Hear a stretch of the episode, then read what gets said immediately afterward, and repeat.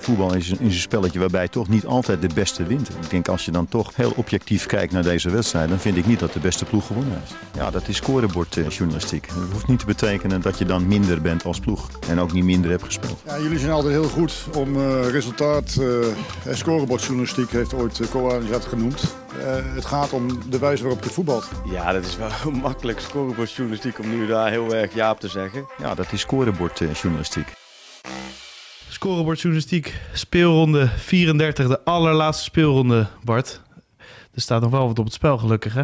Ja, gelukkig wel. Nee, als we vorige week alle beslissingen al hadden gehad, dan waren, waren we nu een beetje voor spek en bonen aan het praten. Twee van de drie liggen er open. Ja, gelukkig maar. En daar gaan we het over hebben volgens mij. Jazeker. En uh, hele mooie wedstrijden eigenlijk ook. Want uh, ja, we hebben gewoon nog toppers, hè? Eigenlijk twee toppers. Twee topwedstrijden dit weekend. AZ tegen PSV en uh, Ajax gaat op bezoek bij Twente. Nou, over die wedstrijden gaan we het ook hebben. En er is wel het een en ander gebeurd uh, bij PSV, uh, ja? Bart. Is dat ja? zo? Ja. Heb je iets gemist? Of? Ja, nou zo. Dat, uh, ik, ik was, om even achtergrond te geven, we gingen Skitwilly opnemen. Marco had een vraag gesteld. Zit Ruud van Nistelrooy nog op de bank dit weekend? En iedereen zegt, oh, hoe bedoel je? Ja, waarschijnlijk wel. Gewoon, of zit hij, misschien staat hij. Dus, dus zeiden mensen. Nou, podcast opnemen met het nieuws wat boven de markt hing. Heel het podcast gewoon over gehad. En uiteindelijk kwam het nieuws na de podcast. Ja, dat zul je altijd zien. Ja. Zoals altijd. Maar uh, ja, veel besproken. Lees vooral uh, VE Pro, kijk de video's terug. Maar ja, wat gaat dat betekenen, denk je, voor, voor AZ PSV? Juist dat PSV die spelers moeten reageren? Of uh, dondert het helemaal in elkaar? Oeh, Um, ik zou twee kanten op voor mijn gevoel. Ja, dat denk ik ook. Maar ja. ik denk dan toch dat het gaat om het eerste. Dat je, dat je wel een soort reactie krijgt. Ja, want uh, jij bent naar de directie gestapt. Je moet nu ook wel echt laten zien dat, dat jij het dan ja. waard bent. Ja. Of zo, nee, dat, dat, dat, dat gevoel krijg je wel. Uh, ja. Ze kunnen alsnog verliezen. Ja, nee, uh, maar tuurlijk, tuurlijk. je krijgt wel het gevoel dat er iets op het spel staat voor ze van... ja, nu moet je het ook laten zien ook, weet je wel. Je, ja. Als je A zegt, moet je ook B zeggen. En dan moet je het in die laatste wedstrijd ook gewoon, uh, gewoon laten zien. Het is wel opvallend dat het gebeurt één wedstrijd voor het einde van het ja. seizoen. Hè? Dat, dat zo'n bom barst en dat de trainer ook zegt... Arrivederci. Ja. Ik weet niet welke talen die allemaal spreekt. Ja. Uh, hij spreekt wel goed Spaans volgens mij trouwens. Uh, uh, maar dat het, dat het, dat het eindigt. ik, ik heb eens gekeken in de historie van de Eredivisie... en dan met name gefocust op deze eeuw... hoe vaak het voorkomt dat een trainer gewoon één wedstrijd voor het einde zei... Goedjes ja. thuis, ik, ik stop ermee. Ik vind het nog best veel. Ja, het valt me, het valt me mee inderdaad. Ja. Co Adriaans in 2000 deed met Willem II. Um, hij had toen al een contract getekend bij Ajax. Hij zou die, die zomer de overstap maken. Speelde met Willem II nog. Ze verloren knoepershard van Cambuur. Die spelers hadden, het leek hem echt gewoon het, die, het helemaal te laten lopen. Daar was Co Adriaanse zo boos over dat hij zei, jongens... Kwestie van benen stilhouden ja, misschien. Uh, groetjes thuis, ik, uh, ik, ga, ja. ik ga weg en uh, zoek het maar uit voor die laatste wedstrijd. bedenker van de term scorebordjournalistiek. En er zit in ons jingle, hè, trouwens. Bedacht ik me. Ja, ja. ja Co Adriaanse. Um, Drie jaar later trouwens, die uitspraak. Ja, dat, ja, ik heb het allemaal moeten opzoeken. Ah, oké, okay. kijk aan. Nu kijk kom aan. ik een keer met feitjes. En Marco van Basten deed het ook. Ja. Uh, die had er ook geen zin meer in bij Ajax in 2009. De laatste wedstrijd van het seizoen werd toen overgenomen door John van Schip. Met en Pannenkoek of niet? Pannenkoekgate? Of uh, uh, nou, dat was in de buurt? Ja, ja, dat was iets eerder. Um, uh, en, de, en de laatste was in 2010 iets minder bekend. Arno Pijpers. Hij was toen al ingevallen dat seizoen. Uh, was al eerder iemand ontslagen. Hij viel in. Uh, alleen het ging toen met hem persoonlijk niet zo goed. Als in mm. gewoon om, om persoonlijke redenen. Medisch volgens mij heeft hij toen gezegd... ik stop ermee. één wedstrijd voor het einde. Maar het is dus... Ja, je kunt zeggen het is veel. Het is, het is de vierde keer deze eeuw. Ja. Um, het is wel opvallend dat je het gewoon inderdaad één wedstrijd voor het einde doet. Allemaal met een andere reden. Al, en allemaal enigszins, ja, wel dat ze, dat ze het niet echt meer. Klopt. Maar wilde of, ja, of maar die spelers zeiden voelde, niet. Ja, ja de, de spelers zeiden niet van Van Nistelrooy moeten opzouten en ze, ze, gaven niet op in die wedstrijd tegen. Nee, uh, nee dat niet. Nee, dat is verschil met inderdaad het gevoel wat je hebt bij Willem II in 2000. Sorry, die wedstrijd ja, natuurlijk. Ja, dat klopt, ja. Het is wel leuk dat nu Fred Rutte op de bank gaat zitten. Al is het maar dat het zijn jubileumwedstrijd wordt. Nummer 300 uh, voor uh, Fred Rutte op de bank. En daarna meteen weg. Uh, nou, in ieder geval Toch? weg bij PSV. Ja, ja. ja. Uh, misschien dat we hem uh, wel ergens anders terug gaan zien. Het is pas de 25e trainer in de hele historie van de Eredivisie... die 300 wedstrijden op de bank zit. Fred Rutte heeft wel van die, drie, van die 25 een van de hoogste Mayennes qua punten. dus hij, hij pakt Rutte 1,85 punten per duel... in al die voorgaande 299 wedstrijden. Uh, de enige met een beter gemiddelde zijn Louis van Gaal, Ronald Koeman, Ernst Happel en Kees Rijvers. Dat is geen verkeerd rijtje om in te staan, Sjoerd. Nee, zeker niet. Goedemorgen. Nee, echt hè. En hij, hij, zit er dus al heel lang hè. Ja, nou ja, ik, ik, je kunt er kijken naar wanneer hij zijn debuut maakte in de Eredivisie. Dat was ehm, in november 95 bij FC Twente. Toen mocht hij eens eventjes uh, alvast snuffelen aan het grote werk. Uh, we zijn nu een uh, goede 27 jaar later dat hij weer op de bank zit. Het was al even geleden trouwens. De laatste keer was in 2015 bij Feyenoord. Nu mag hij dus weer op de bank zitten. een Eredivisie carrière dus van 27 jaar. Daarmee komt hij met stip binnen in de top 10 van, van trainers met de langste Eredivisie carrière. Ook weer iets leuks om op te zoeken. Ja, daar zijn ook heerlijke namen in. Boven hem staan uh, Rijvers. En dan ga ik echt van, van Fred Rutte naar boven. Vergozen, dan De Mos, dan Koster, advocaat. En bovenaan, en die ken jij denk ik niet. Nee, die ken Jo ik niet. Brandt. Nee. Ja, Jo Brandt, dat is ook wel een mooi verhaal. Uh, dat, was, dat was een speler in de jaren 60. Die speelde bij Heracles. Daar ging de trainer weg aan het einde van het seizoen. Uh, hij was toen, ik meen, een jaar of 28 aanvoerder. Had al een uh, opleiding gevolgd, volgens mij lichamelijke opleiding. Hij had in ieder geval de papieren. En toen zeiden ze bij Heracles, nou ga jij die laatste wedstrijden maar even Zo, voor de ging, zo ging het nog in die tijd Ja, ook. ja, ja. Geen papieren nodig nog? Nou ja, hij had dus wel de benodigde papieren... omdat hij een soort, een soort uh, opleiding, een sportopleiding had gedaan, volgens mij. En daarom mocht hij op de bank gaan Maar het zitten. was iets soepeler in ieder geval dan nu. Ja, dat idee kreeg ik ook, ja. dus hij begon in 63. In 97 zat hij nog... Hij was toen volgens mij uh, technisch directeur... of iets, een technische functie bij Sparta.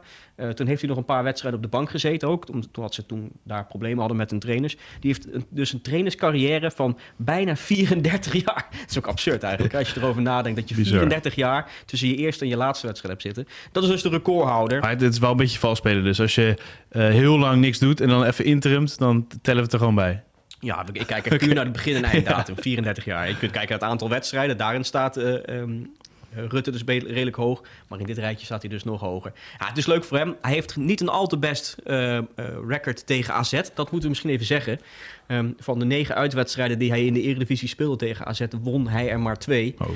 Uh, dat is niet heel veel. Wel drie keer gelijk. En PSV heeft dan een punt genoeg. Hè? Dus daar, daar moeten ze op inzetten, denk ik. wat, ja, die statistieken, wat zegt dat nou? Eigenlijk trainers die je tegen Nou ja. bepaalde ploegen... heeft het toch wel iets met voetbalstijl te maken? Nou, kijk, soms wel. Hè. Kijk, deze carrière, omdat we het over hem hebben... dat hij al 27 jaar uh, trainer is. Volgens mij was die eerste wedstrijd ook uh, half jaren 90 tegen, Ja. tegen AZ. Ja, dat zegt niks meer over AZ. Voetbal. Maar het is meer, soms heb je wel eens trainers die ergens niet kunnen winnen. Of ergens altijd lastig hebben in een uitwedstrijd. Of trainers die nooit van een, top, een topwedstrijd winnen. Nou ja, zo kun je dus ook kijken naar... John van der Bron, toch? Nou, dat die werd helemaal gek ervan dat zelf. ook. verhaal had je een lange periode Ja. inderdaad. En zo kun je altijd bij trainers wel kijken... hoe doen ze tegen, tegen bepaalde ploegen.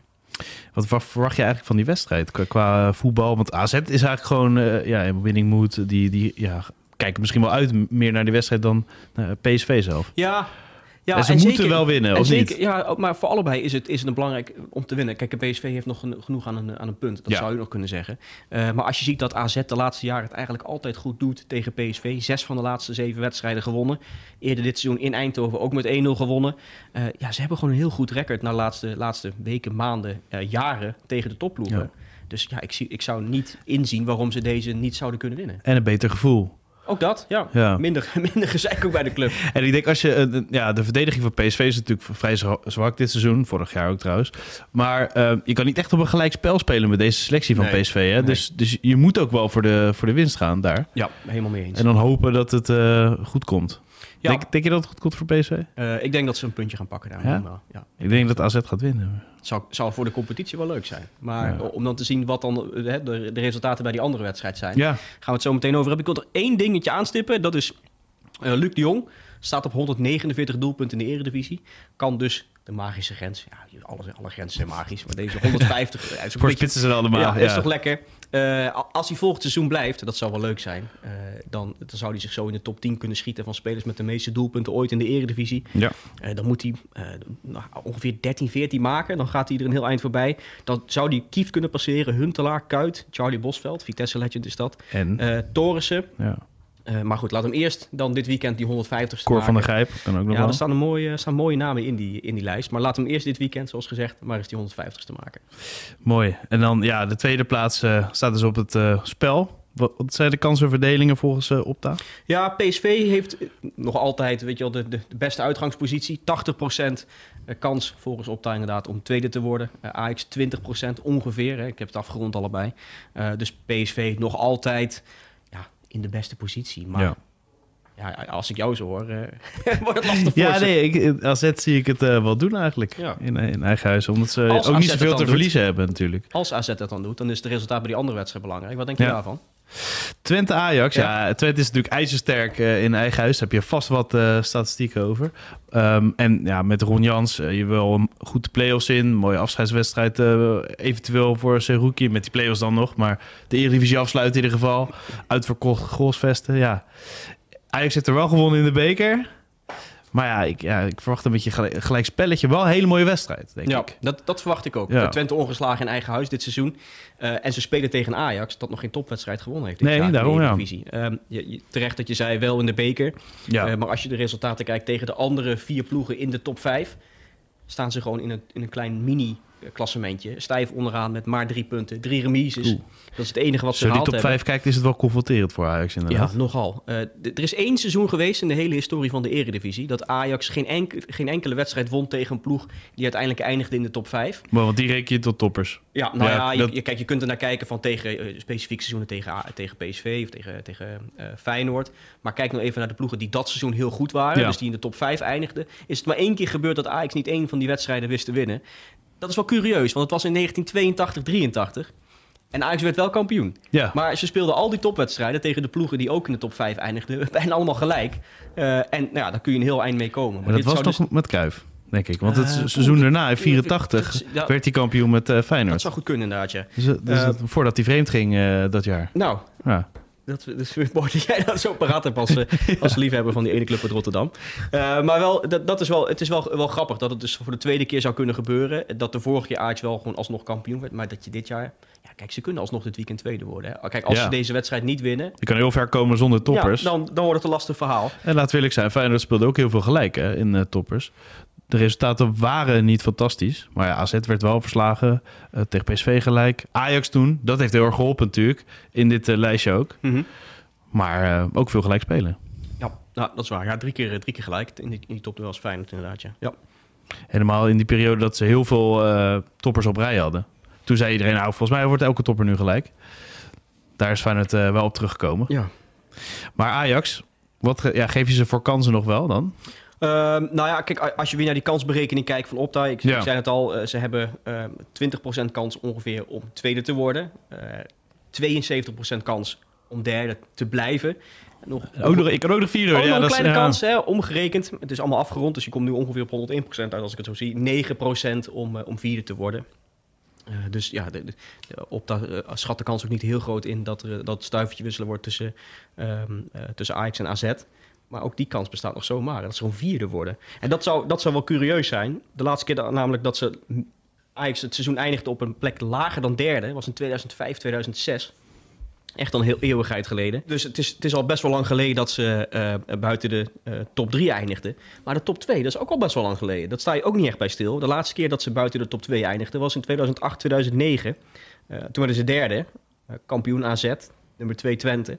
Maar sinds, die, sinds dat seizoen, 2008, 2009, is altijd eerste of tweede geworden. Ook, ook toch knap.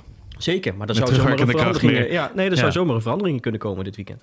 Nee, zeker. En bij Twente uh, speelt uh, iemand die uh, eigenlijk ja. zijn dubbele cijfers heeft met assisten. Daar hebben we het te lang over gehad, toch? Drie, drie weken hebben we het over gehad. Man, man, man. En Gijs Smal. En hij zou naar Oranje gaan bij de dubbele cijfers, toch? Nou, nog steeds.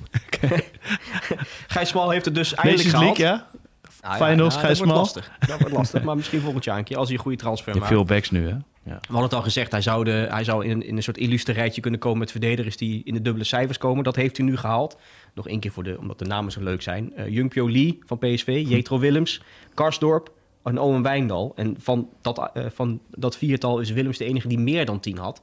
Dus laat uh, Gijs Smal nu in die laatste wedstrijd nog een assist geven. Er is één verdediger trouwens in de tien grootste Europese competities dit seizoen.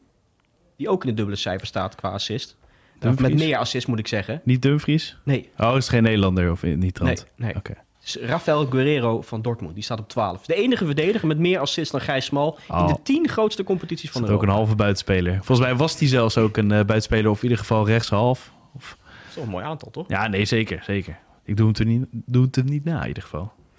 Oké, klein voorspellingje voor deze wedstrijd uiteindelijk. Ik, ik zei dus uh, gelijkspel voor deze. Ja, ik, En AZ winst. ik Ja, ga gelijkspel daar. ja, ik ga toch eh, overwinning Twente.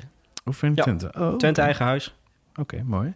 Dan hebben we nog eh, één wedstrijd ook om op te letten. Heerenveen uh, Go Eagles. En dat gaat dan vooral om die play-off plek natuurlijk voor, voor Heerenveen. Ja, laatste play-off plek. Um, uh, Heerenveen speelt tegen Go Ahead. Go Ahead ook nog een kleine kans trouwens. Hè. Moet je niet vergeten om het te halen. Heerenveen wel de grootste kans. Het wordt door Opta ingeschat op ongeveer 65 procent.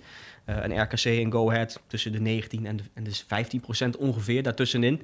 Dus het is, het is vooral Heerenveen dat zich echt moet, dat moet kunnen richten op, op die play-offs. en die kunnen dat ook wel, omdat ze echt een goede serie hebben tegen, tegen Go Ahead. Die spelen ook niet zo heel vaak tegen elkaar in de Eredivisie, nee. daar moet je wel weer bij zeggen. Uh, maar de laatste elf wedstrijden tegen Go Ahead niet verloren in de Eredivisie, Heerenveen. Uh, dus dat ziet er goed uit. De laatste keer dat Go Ahead in de Eredivisie won van Heerenveen, dat was wel mooi, was in, in mei 95. Uh, dat was in Friesland. Enige doelpunt van Marco Hering. En ik zat net naar die elftallen te kijken. Het is denk ik een beetje voor jouw tijd dit, hè? Bij ja, 95. wel een beetje, ja. Maar ik zie wel een aantal namen die trainer zijn geworden bijvoorbeeld. Ik zit daarnaar te kijken en dan zie ik namen. Ik heb ze een paar opgeschreven. Alfons Arts, Marcel Valk, Jan Michels, Mark Schenning, Jack de Gier, Harry de Chever, Marco Hering, Twan Rorijen. Het zijn uh, en, voor jou hele bekende het namen. Het zijn voor mij bekende namen. En ik hoop dat er nu ook wat mensen luisteren die denken... ah ja, want een jaar later had je, je had eerst had je die flip-orage. Misschien heb je dat een beetje ja, ja, nee, Een jaar later kwam Kroki met uh, topshots. Dat waren een soort voetbalflippo's. En nou ja, dat, was, dat was, heeft bij mij een soort cultstatus opgeleverd. Al die jongens. Uh, en ook bij mijn vriendengroep hebben we het nog wel eens over, over wie nou een topshot was en wie niet. Nou, een heel aantal van die jongens die ik net opnoemde, werden een seizoen later een topshot. Uh, en ook bij Herenveen een heel aantal van die jongens. Het zijn, het zijn daardoor een soort we hebben dat onthouden, wie de topshots ja, nou, werden? wel wat, ja. Uh, oh. het is, het, het, voor mij was dat een beetje het beginpunt van uh, het voetbalplaatje verzamelen. Hmm. Uh, Echt heel bewust meemaken ja, van voetbal volgen. Ja, en, en dat de eerste keer VI lezen, dat soort dingen. Ja, en, en, dan die topshots sparen. Dus ik hoop dat we een kleine soort trip down memory lane maken met dit verhaal. Topshots, als je het album nog hebt, haal het eens van zolder. En, en kijk eens met veel weemoed terug naar al die mooie plaatjes. En wie waren nou de topshots bij Heerenveen dan? nou, volgens mij zat er inderdaad Tammer bij, rechtop. Uh, in ieder geval, dat waren ook de jongens die meespeelden in die wedstrijd waar ik het net over had. Uh, Pastoor, daar staan we nog wat van bij. Daar vraag ik me echt af, was Alex Pastoor een goede voetballer bijvoorbeeld? Die ken ik echt alleen als ja, trainer. Ja, ik kan me voorstellen. Nou ja, volgens mij was wat kan je een solide, zeggen? solide speler. Ja. Een solide ja. speler. Ik, het is wel gek dat je, je, je volgt het voetbal toen, maar om nou echt in te schatten op, op die leeftijd toen, ik was nog redelijk jong, Hmm. basisschoolleeftijd, uh, van ja, wie nou was echt goed is. goed en niet. Ja, je wist Romario. Ronaldo, dat soort jongens die je Mhm. in de Eredivisie zag, die waren echt goed. Maar van dit soort jongens was het wat lastiger om in te schatten. Maar ja, mooie tijd. Ik, moet- ja, de, de topshots en, eh, en de, de Panini-albums van die tijd met Mark Overmars bijvoorbeeld op de voorpagina. Heerlijk. Mooi. Ja. Wie was je favoriete speler eigenlijk toen? Van wie had jij een poster of ha- had je het kunnen hebben, laat ik zo Oeh, dat zeggen? is een goede vraag. Ik, ben wel, ik was altijd wel een beetje gecharmeerd, omdat ik toen zelf... eh, ja, ik ben nog steeds niet heel groot. Ik was toen nog veel kleiner. Mhm. Maar ik was wel een keepertje in die tijd. Eh, Hans van Ah. Breukelen had ik een soort poster van. Oké, oké. Dus dat was een soort keepersvoorbeeld in die, in die periode. Oké, mooi. En in die wedstrijd, hè, eh, Go Ahead raakt geen paal of lat. Of heel weinig in Ja, ieder geval. nou, dat is, dat is dit, eh, dit seizoen. Je kijkt vaak bij statistieken van wat gebeurt er heel veel. En ik vind het juist mooi dat het bij Go Ahead... dat ze bijna geen paal of lat raken. Dat is zo- zoiets curieus. Zo, echt, echt, dat is toch echt toeval, of niet? Ja, nou ja, Daardoor ook een ja, leuk feitje, Ja, ja maar dat, is, maar- dat maakt het zo ja. mooi. Dus ga dit, dit weekend letten. Je- denk niet dat er heel veel mensen die hele wedstrijd gaan kijken. Nee, nee. Eh, maar mocht je een samenvatting zien en er komt een bal op de paal of de lat van Go Ahead... denk dan, hé, hey, dat, is, eh, dat gebeurt niet vaak. Het is dit seizoen drie keer gebeurd. Het record sinds het wordt bijgehouden. eh, dat is sinds 2010, 2011. Het laagste record is vier eh, van VVV in 2020, 21. Het gaat dan over een heel seizoen gemeten. Ehm, dus ja, Go Ahead, het gebeurt bijna niet. En PSV trouwens wel. Die zijn koploper met, met 24. En wel grappig, ik maakte deze week een, een overzicht van de keukenkampioen-divisie. Met wat gekke trivia en dingen. Eh, en daarin stond eh, de graafschap stijf bovenaan in dit klassement. Met de meeste schoten op de paal of de lat. En dan vind ik het altijd leuk om te kijken wat er zou gebeuren met een stand. Als je gewoon zegt: Oké, eh, we, we rekenen gewoon al die ballen op de paal of lat. Voor of tegen, alle clubs, maakt niet uit. Eredivisie, de Die, rekenen we gewoon mee. en, toen, en dan zouden ze vijfde zijn geëindigd en dik de Oh. play-offs in zijn gegaan. Ja. In plaats van de treurige tiende plaats die ze nu hadden. Dat is toch goed om te weten voor Ja, toch- hoofdredacteur. Ja, is toch mooi. hè? is voor die trivia waar je niks van hebt, maar toch leuk om te weten.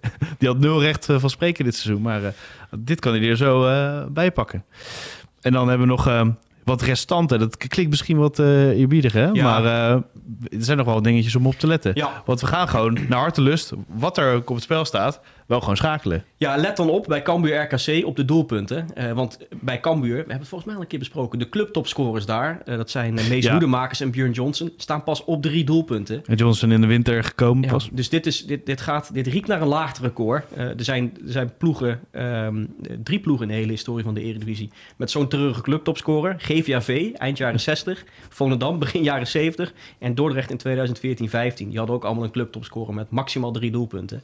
Nou, dat zou dus ook zomaar kunnen gebeuren bij Cambuur. En dan, ja, het, is, het toch altijd een beetje terug... dat de topscorer maar drie doelpunten heeft gemaakt. Dus eh, laten we een beetje duimen voor een doelpuntje voor... of Hoedemakers of Johnson...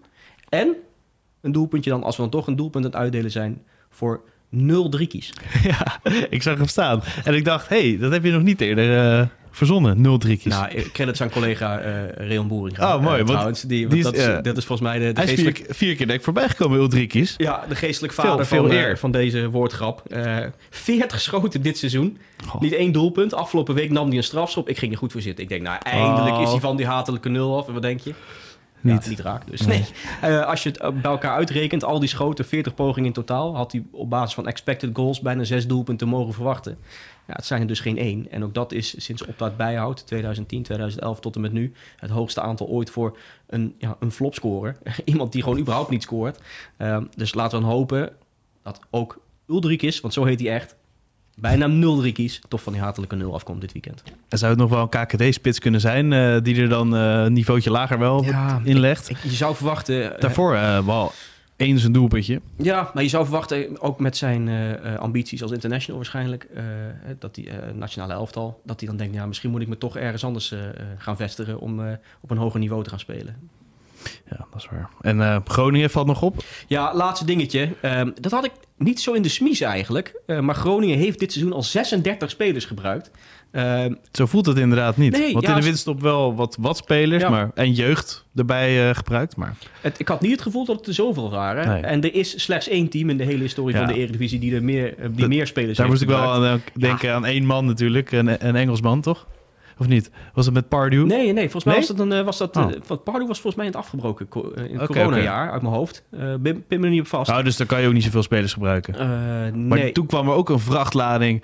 Volgens mij tien of eh Ja. ja, heel spelers kwamen binnen. Ja. Eh, een jaar later, eh 2020-21, Niet van geleerd. eh, niks van geleerd. Toen gebruikte ADO Den Haag 37 spelers. Ik heb ze dus op een rij gezet. Dus er zitten een paar namen bij die ik compleet vergeten was. Dario Del Fabre. Eh, Fabro moet ik zeggen. Eh, Sammy Bouraar was ik eigenlijk alweer helemaal vergeten. Ehm, David Philip. Philip was ik ook alweer vergeten. Eh. André Ratiu. Oké, had die kwam even terug. Gomold.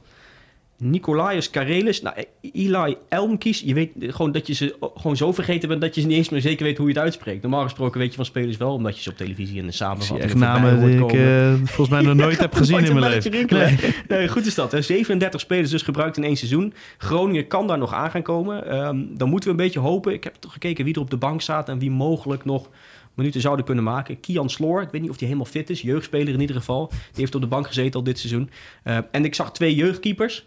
Ja, ze hebben een keepersprobleem, want eh, de eerste keeper kreeg, eh, kreeg een rode kaart afgelopen week. Eh, dus eh, ja, de- zullen de reservekeepers, een van de vele reservekeepers eh, eh, in actie zien. Ik denk, denk dat het de boer wordt die gaat keepen. Eh, maar ja, dan hopen op een jeugdkeeper die toevallig minuutjes maakt, weer een rode kaart. Zo zit je echt naar die wedstrijden te kijken. Wel een beetje stiekem. Eh, en ook in de wetenschap, dan kan ik een tweetje plaatsen. Ook niet? een beetje. Ja, je hebt me helemaal door, heb ik. eh. Eh, en dan vind ik het wel leuk om de jongens even te noemen. Ja. Waarschijnlijk zijn ze nog nooit in een podcast van VI genoemd. Eh, misschien gaat het ook nooit meer gebeuren. Dus Dirk Baron en Jasper Meister. Hoop op speelminuten voor deze jonge knapen. En dan eh, gaat eh, Groningen misschien wel naar het record. Het duiventilrecord van de eredivisie. Wat nu nog op naam staat van ADO Den Haag. Ja. Maar mogelijk naar Groningen verhuist. Wat mooi, want ik zie ook Jonathan Mulder. Die heeft dan één wedstrijd gespeeld. Die wil ik ook nog even, even noemen. Ja, die was voor ADO hè? Jonathan ja, Mulder was voor- de jongen voor van ADO. ADO die in dat rare seizoen... eh, ja, En dat deed me denken dus aan het afscheid van, van Hans Mulder bij RKC. Dat vond ik ook wel heel mooi. Ook misschien wel een van de slechtste invalbeurten. Hij dekte meteen verkeerd. 5-0 tegen Twente. Het is wel een beetje pijnlijk. ja. Maar goed. Als je toch toegejuicht wordt op die manier en afscheid kan nemen. Hij wordt wel dingen- gewaardeerd in ieder geval. Ja, zeker. Genoeg leuke dingen volgens mij om dit weekend op te letten. Eh, laatste speelronde. De bij, beslissingen kunnen eh, nog, nog vallen. ja. Ja. Het wordt leuk volgens mij. En welke commentator eh, heb je nog gehoord waarvan je hoopte dat je hem zou horen? We hebben het nog over Even ten Apel gehad. Volgens mij eh, kwam die ik, niet ik voorbij. heb geen hele gekke namen gehoord. Ik heb wel wat nieuwe jongens gehoord. Eh, bij, Wat bij jeugdige stemmen inderdaad. In plaats ESPN, van eh, ja. mensen die afgestoft zijn. Ja, bij, eh, bij ESPN. ook iemand, een bekende daar, Wesley Becker, die volgens mij zijn debuut maakt als eredivisie-commentator. Dat zijn toch leuke dingen. Dat je inderdaad op die laatste speelronde normaal gesproken de oude, oude de cracks die je terug Mhm. hoort. Maar nu wat jonge, nieuwe gasten die de kans kregen. Erg leuk. En ben benieuwd wie ze dit weekend optrommelen allemaal. Mooi. Dan spreek ik je misschien volgende week of het volgende seizoen. Moet even kijken of we de play-offs erbij pakken nog met een aflevering.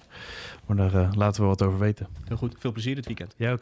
Voetbal is een, is een spelletje waarbij toch niet altijd de beste wint. Ik denk als je dan toch heel objectief kijkt naar deze wedstrijd, dan vind ik niet dat de beste ploeg gewonnen heeft. Ja, dat is scorebordjournalistiek. Dat hoeft niet te betekenen dat je dan minder bent als ploeg en ook niet minder hebt gespeeld. Ja, jullie zijn altijd heel goed om eh, resultaat. eh en scorebordjournalistiek heeft ooit uh, Koan dat genoemd. Eh, het gaat om de wijze waarop je voetbalt. Ja, dat is wel makkelijk scorebordjournalistiek om nu daar heel erg ja op te zeggen. Ja, dat is scorebordjournalistiek.